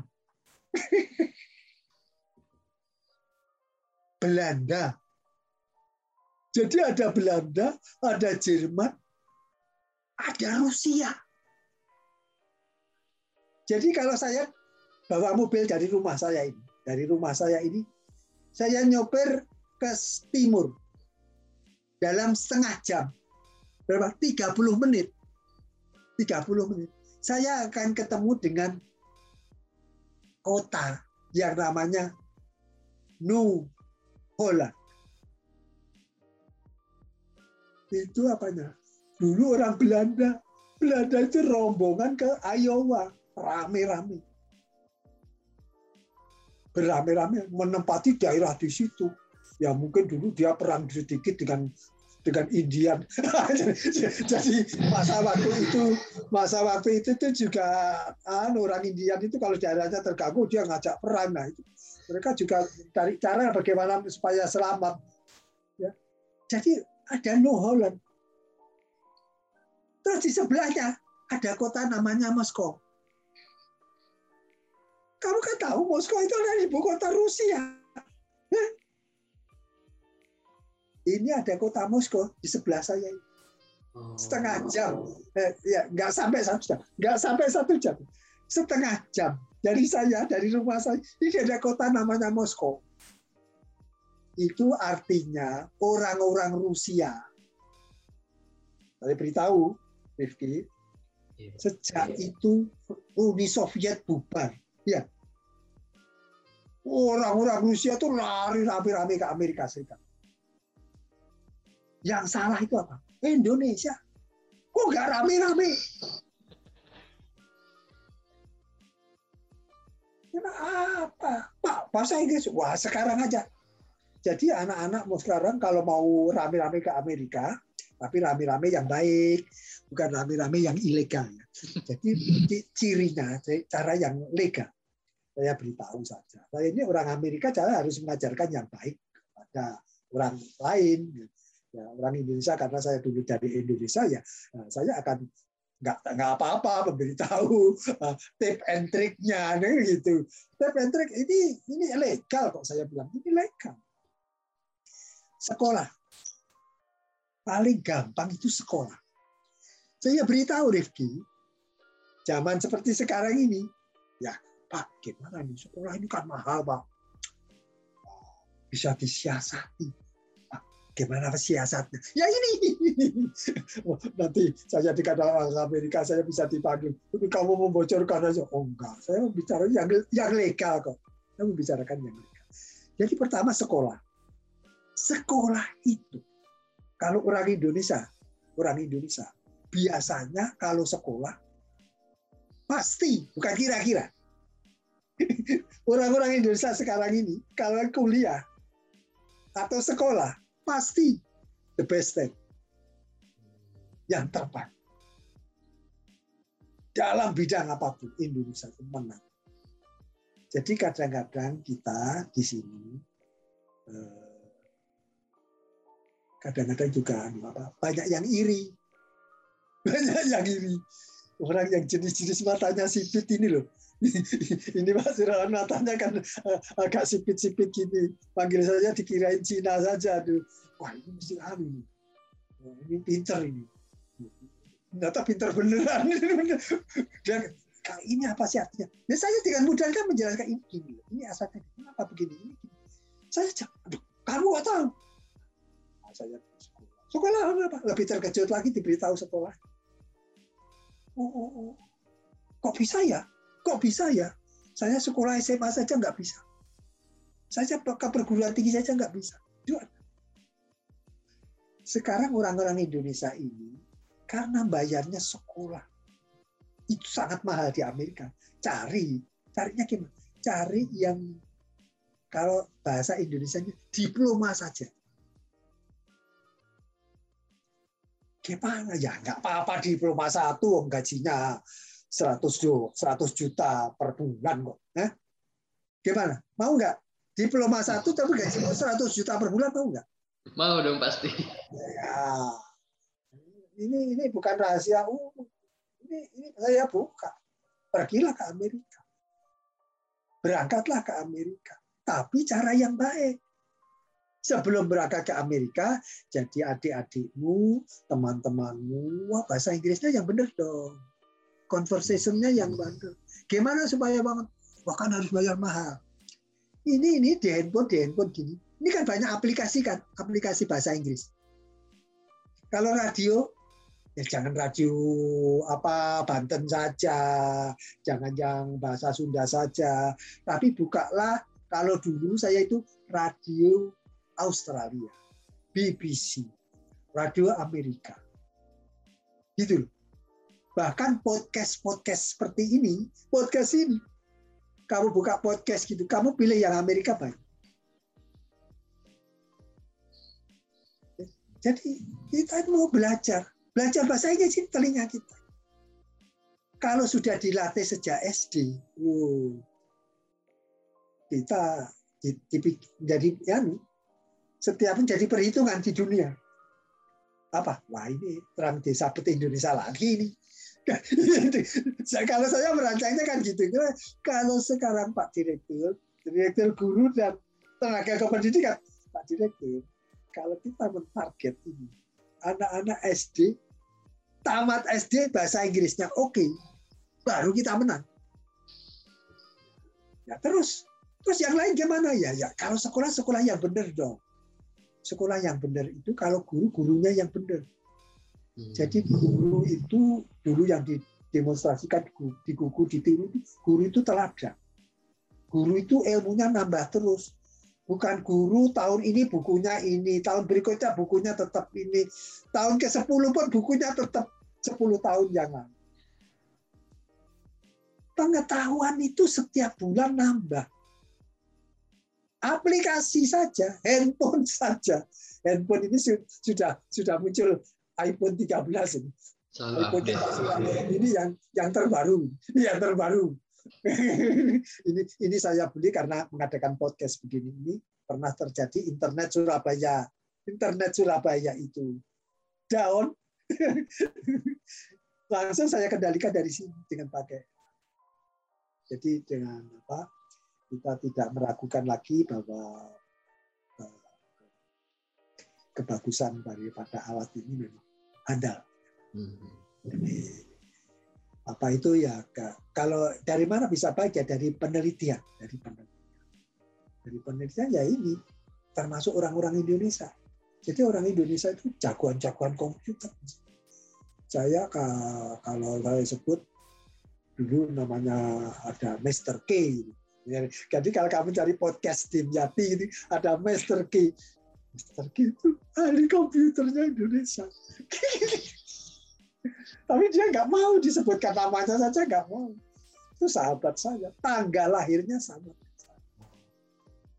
Sampai tanggal lahirnya itu sama dengan saya itu sifat-sifatnya sama. Kita mempunyai sifat yang sama. Salah satu sifat saya itu tadi sifat Nah, kalau saya itu makin banyak untuk orang lain, membantu orang lain. Karena kita ini nggak tahu apa sih artinya kehidupan. Kita hidup itu untuk apa? Kita itu hidup bisa 30 tahun, 40 tahun, 50 tahun, 60 tahun, 70, 80. Saya itu sudah, anu ya Allah, digenapkan sekali ya Allah 100 lah. Kadang-kadang gitu. Jadi Pak Surahman dulu itu sudah mau meninggal 2012. Jadi Pak saya pernah menderita penyakit yang namanya hipertiroid. Hmm sudah tidak ada harapan untuk hidup, tidak ada sama sekali. Jadi ya saya seperti pamitan saja. Ya. Terus saya, ya, ya Allah, pendidikan sudah, pangkat sudah, anak-anak sudah, gitu sudah selesai semua.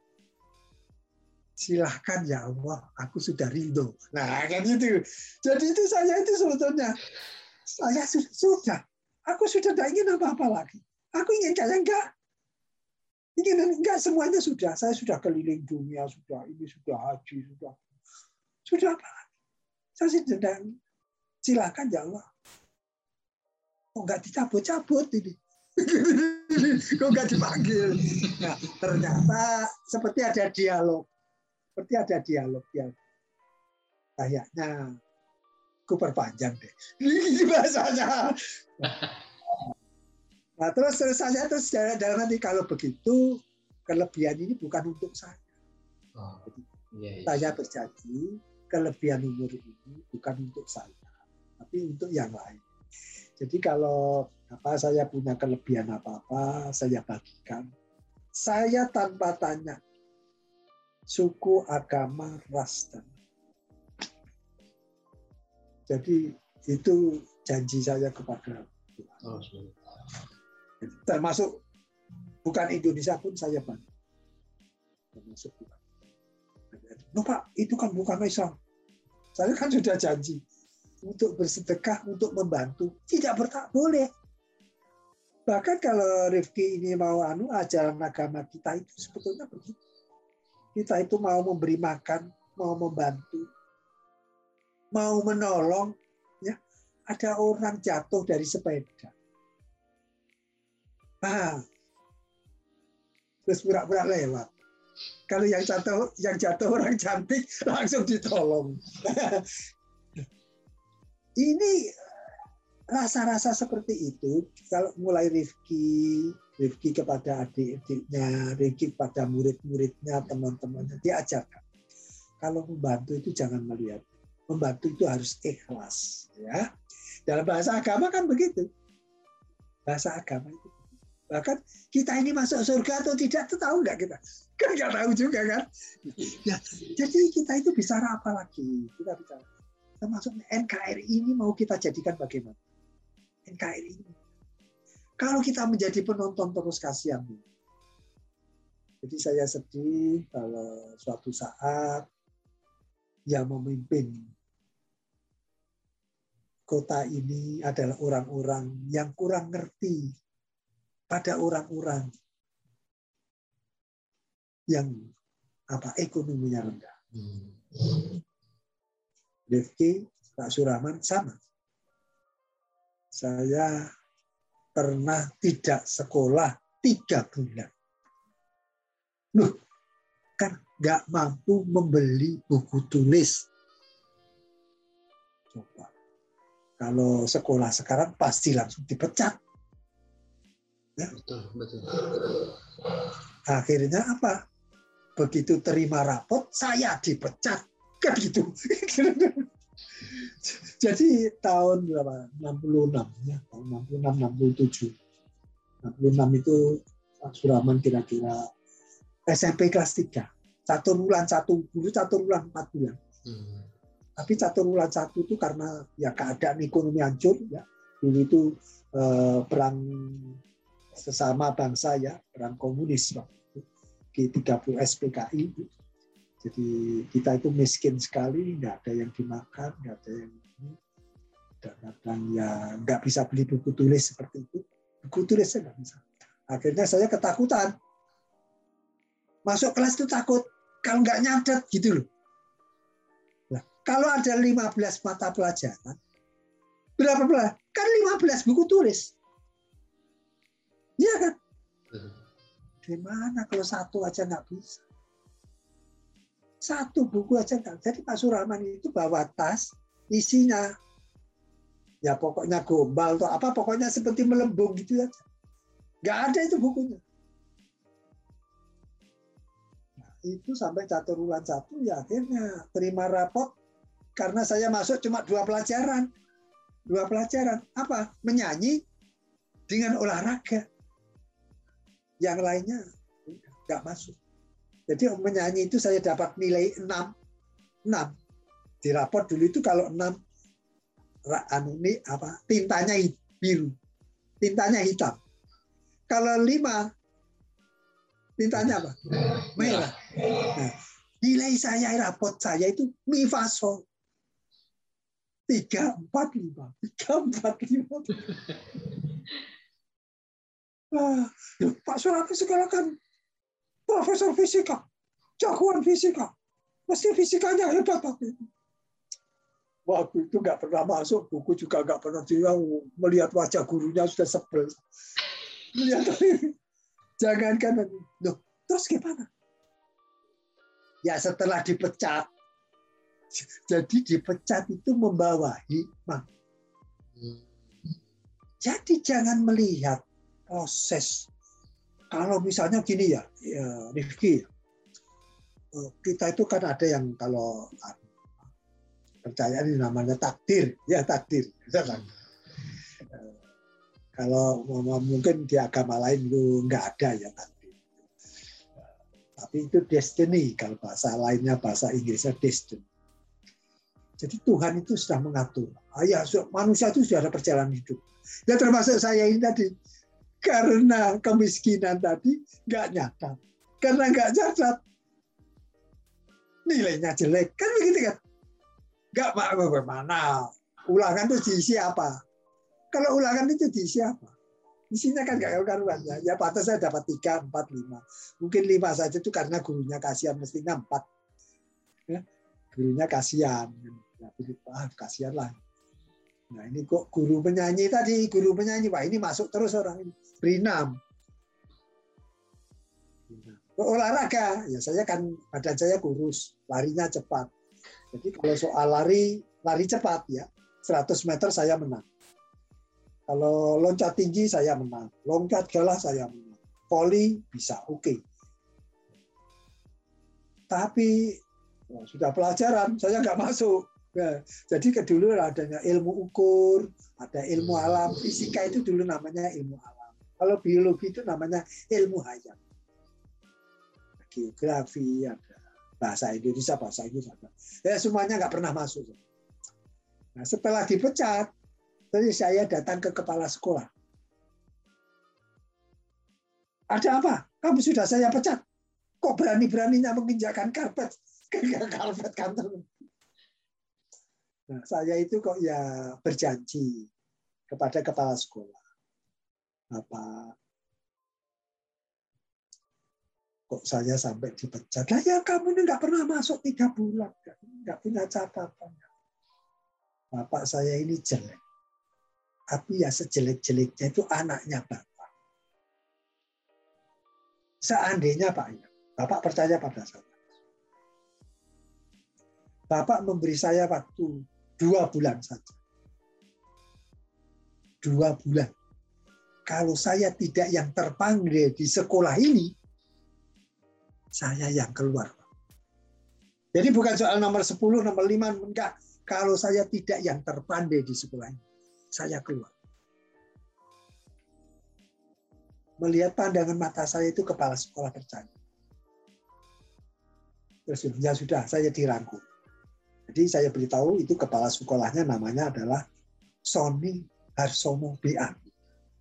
Kepala SMP Negeri 1 Kertosono 1965. Kalau ya ini dalam dalam sejarah beliau ini masih punya hati aku, hati emas. Memaafkan Anaknya yang sudah nakalnya nggak keturunan. Kalau itu kan sudah nakalnya nggak keturunan. Ternyata apa, Rifki? Ternyata Pak Surahman ini diberi anugerah. Yang tadi saya janji dua bulan, iya. Satu minggu. Satu minggu itu saya sudah tahu semua pelajaran SMP kelas 1 sampai kelas 3 tanpa belajar. Semua saya babat habis termasuk gurunya kalah. Nah itulah mulainya karier Pak Surahman dari sejarah dipecat. Hmm. Dari sejarah tidak bisa membeli buku tulis. Jadi sampai SMA pun Pak Surahman ini tidak mampu membeli buku tulis sampai SMA. Jadi kelas 1 SMA. Kelas 1 SMA Pak Sulaiman. Ya gimana ya mau beli buku tulis. Akhirnya saya ini tetap di, di tempat sampah. Di, di kamu istilahnya apa? Pemulung.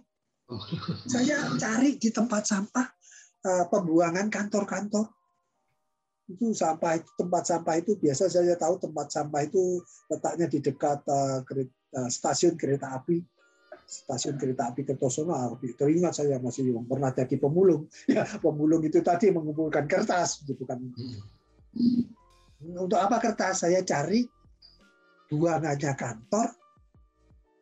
Yang kertasnya masih banyak. Yang kosong. Yang kosong. Bukan ada sebal separuh kosong separuh dipakai. Itu saya saya dulu kan staple itu saya nggak punya. Saya jarum dengan jahit dijahit. Saya jadikan buku. Itu buku saya. Ya terus gimana lagi? Ya saya SMA. SMA negeri lah. Jadi riwayat kemiskinan itu sampai seperti itu. Jadi kalau bilang anak saya, anak saya itu anaknya orang kaya. Anak-anak saya anaknya orang kaya. Itu anak anak-anak saya itu anaknya orang Amerika. Anak saya jadi kalau anak saya yang terakhir sekarang jadi dosen di IPB, itu bahasa Inggrisnya lebih baik dari orang Amerika. Hmm. Dalam 10 hari, anak saya yang terakhir ini, dalam 10 hari dia dibaca 254 buku. Oh. Anak Indonesia loh itu. Anak Indonesia loh. Kamu Elon Musk Elon Musk. Tahu, tahu. Yang terkaya di dunia sekarang. Yeah satu hari 10 jam baca. Mulai kecil gurunya nggak bisa ngajar. Saking pinter. Karena apa? Sudah dibaca semua, sudah ngerti. Oh kalau ini, ini, ini.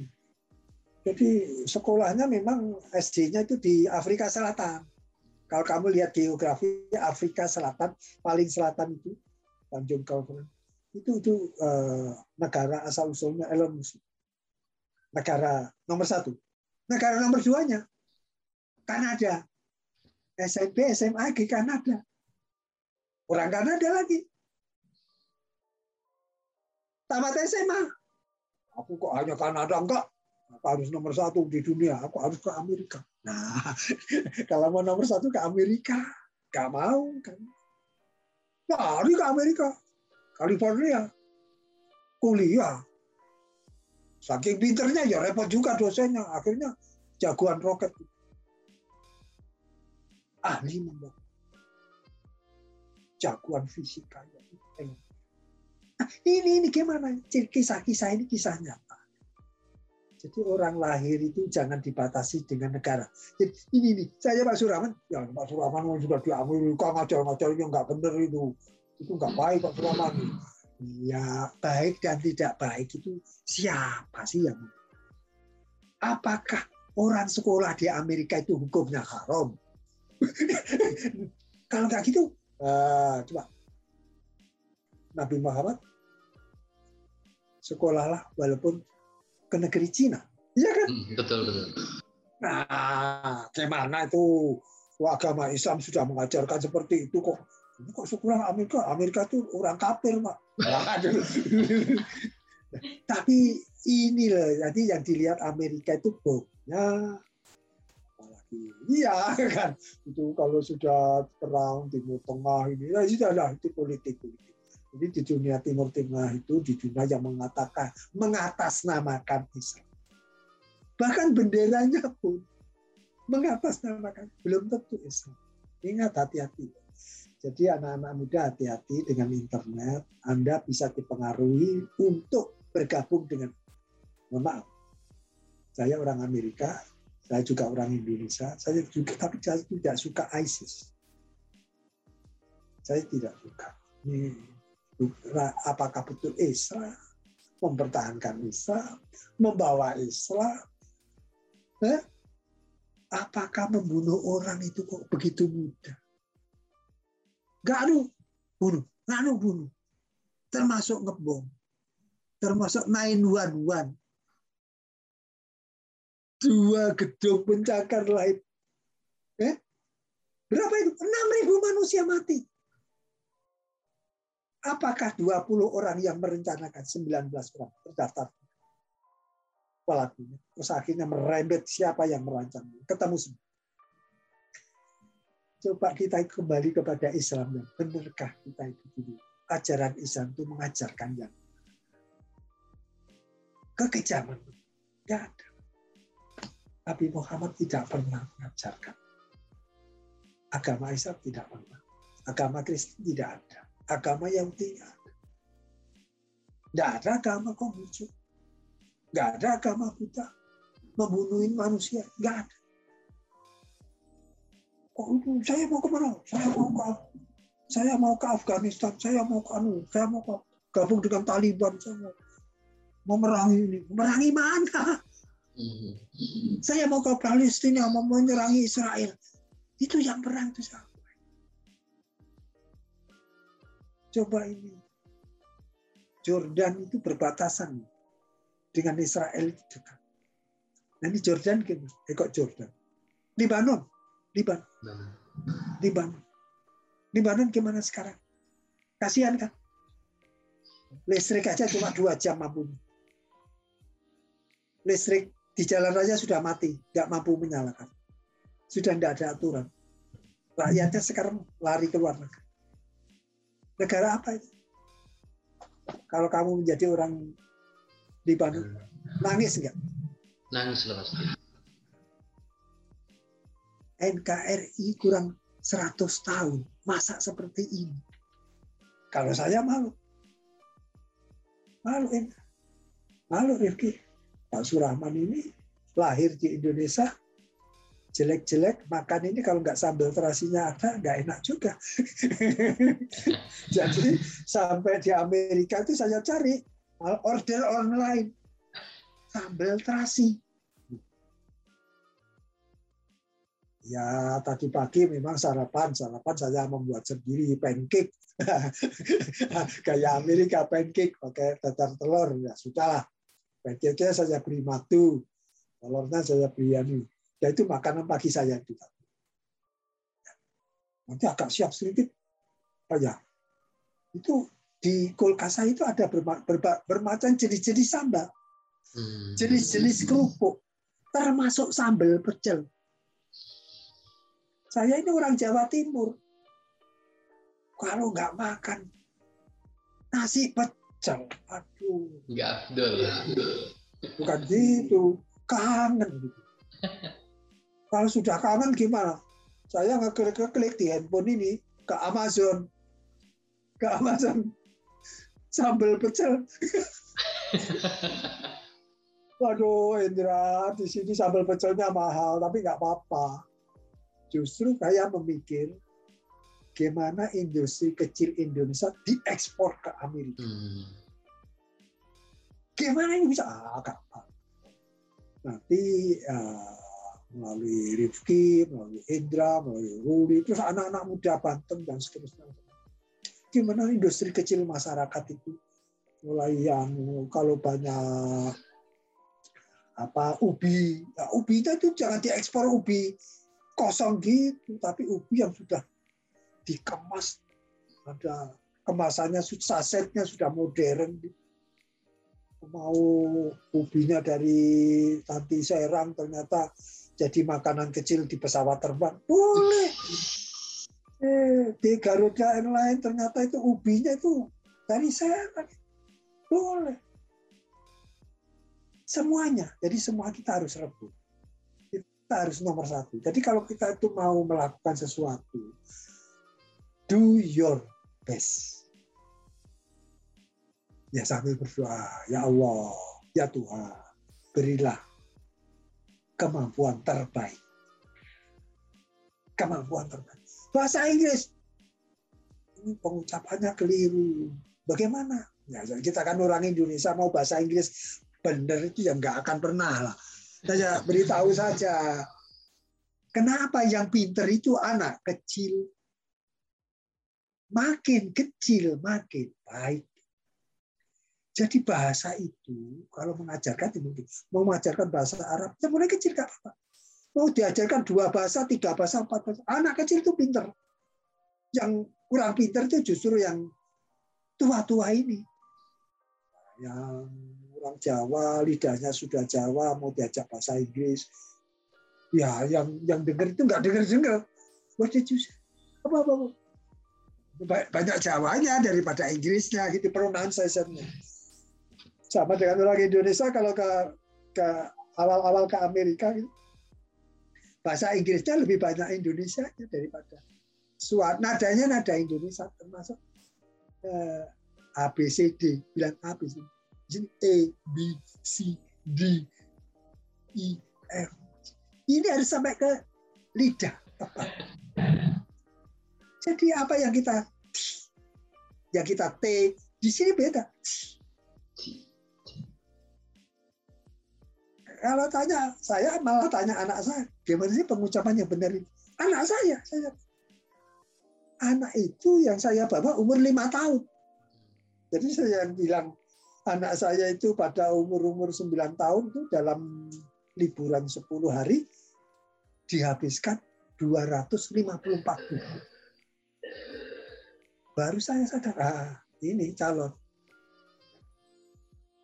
Jadi ini cikal bakal the next leader. Jadi, jadi sudah terbayang. Jadi kalau kalau mau melihat siapa the next leader, itu dari kecil. Kalau sudah membaca sekian banyak buku setiap hari itu the next leader. Jadi memang berat, berat. Suasana itu berat. Kita harus merubah. Pak guru saya aja gurunya masih bukunya masih tetap itu itu saja. Jangan melihat kita harus memulai dari diri kita sendiri. Jangan, oh dosen saya itu cuma itu-itu saja Pak. Dosen itu juga guru. Guru itu no one perfect. Tidak ada manusia sempurna.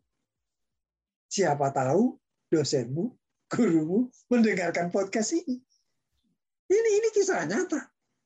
Jadi Rifki yang katakan, saya anaknya pemulung. Saya juga pernah jadi pemulung. Apa? Saya itu buku saya sampai SMA kelas 1 itu hasil pulungan. SMA kelas 1, SMA Negeri Kertosono. Ya sekarang jadi profesor fisika di Amerika. Eh? Kan nggak masuk akal itu. Pemulung. Jadi di Amerika sekarang sudah 14 sampai 15 tahun. Eh, anak cucu saya sudah di Amerika.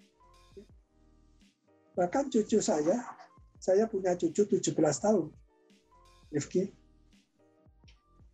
Sudah kuliah sejak SMP kelas 2. Gimana itu? Maka saya bilang kepada Bapak Direktur Guru dan Tenaga Kependidikan di Indonesia. Nah, Direktur Pendidikan Menengah dan Kejuruan uh, uh, khusus. Saya sampaikan. Ini, saya cemburu, Pak. Ya saya kan ya lahir di Indonesia. Ini cucu saya di sini. Tiga-tiganya. Tiga giganya super gifted. Enggak percaya? Kakaknya itu kelas 2 SMP kuliah.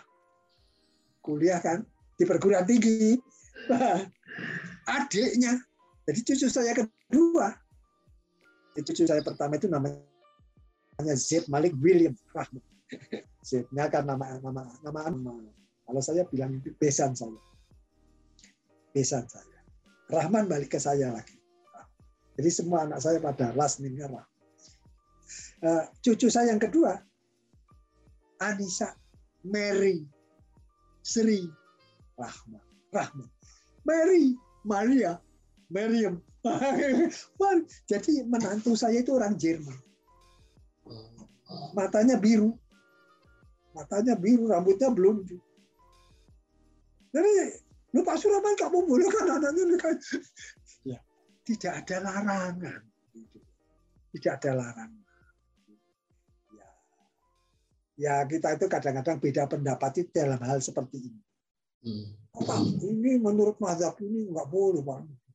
Ya, kalau kita itu beragama itu kalau mencari madhab ya nggak usah milih-milih anu lah ya kira-kira yang sah aja baik itu Syafi'i, Maliki, Hambali, Hanafi.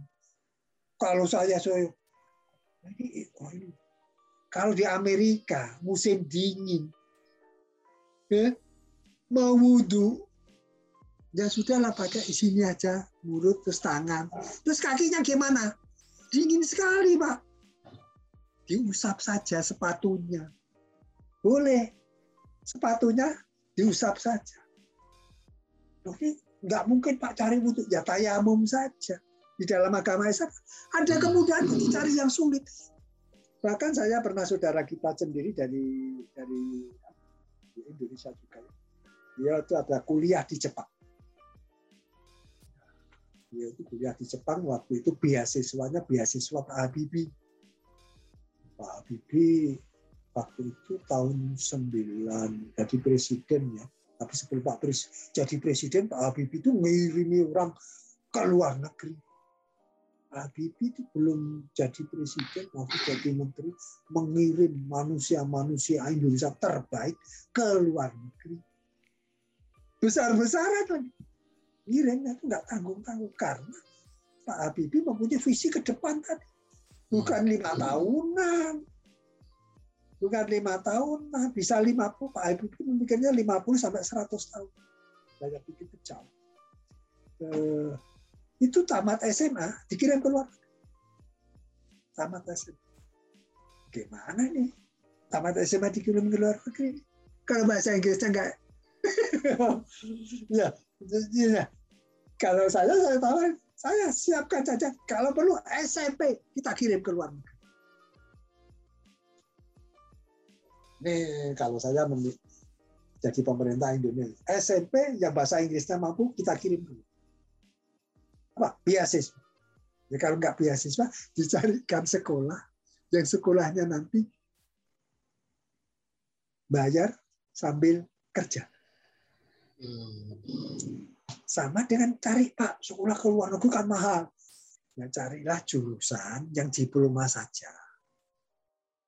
Ya, karena cari beasiswa itu nggak gampang. Cari beasiswa itu nggak gampang. Well, biasanya, apakah beasiswa bisa melalui online? Oh bisa.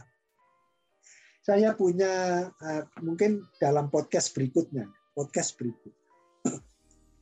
Karena ini adalah anak sahabat saya sahabat saya termasuk Pak Direktur UT yang ada di Serang itu sahabat saya.